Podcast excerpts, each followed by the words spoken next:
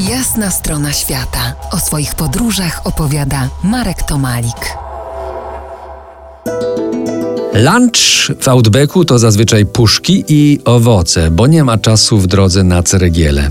I dużo, bardzo dużo płynów. Najlepiej gasi pragnienie woda, jeśli dobrze schłodzone także piwo. Zajmuje jednak zbyt wiele miejsca i towarzyszy nam wyłącznie w pierwszych dniach wyprawy.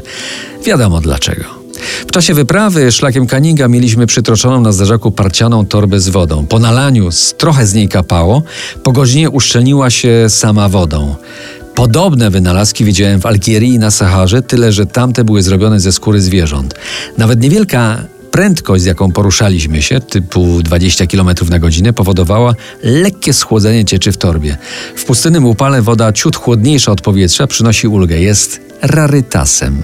Obiad w buszu równa się kolacja.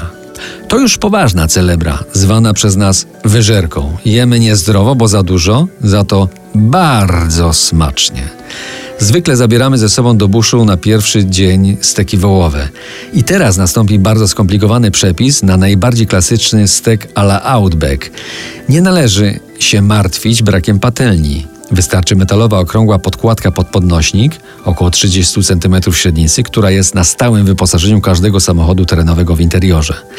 Do dzieła. Trzeba rozpalić ognisko, odpowiednia temperatura i ilość żaru będzie już po kilku minutach. Teraz 3 minuty na rozgrzanie metalowej płyty. Mięso trzeba rzucić na ogień, 6 do 8 minut z jednej strony i tyle samo z drugiej i Ozzy stek gotowy. Broń Boże żadnych przypraw, nawet soli. Oczywiście jeżeli chcesz zepsuć smak mięsa, możesz sypać co chcesz i ile chcesz, ale pamiętaj, że wołowina australijska, nie wspominając innych gatunków obecnych tam mięs, należy do najpyszniejszych na świecie i jest słona sama w sobie. Mięso pochodzi od zwierząt niemal zupełnie dzikich, wypasanych w buszu na dzikich pastwiskach ekstensywnych farmach o powierzchni wielkości naszych województw.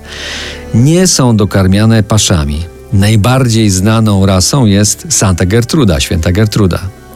Na tak upieczony stek kładę plasterek ananasa z puszki i każdy kęs popijam lampką czerwonego Shiraza. To proste i zarazem nadzwyczaj wykwintne danie.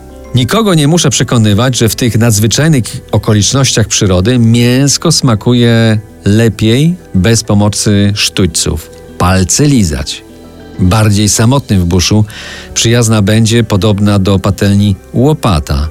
Przy jej użyciu można usmażyć stek, co wielokrotnie w buszu praktykowałem. Spróbujcie sami na biwakach steka z łopaty. Karkówka też się usmaży. Za tydzień w jasnej stronie świata zabiorę Was do ogrodów pasji. To była jasna strona świata w RMF Classic.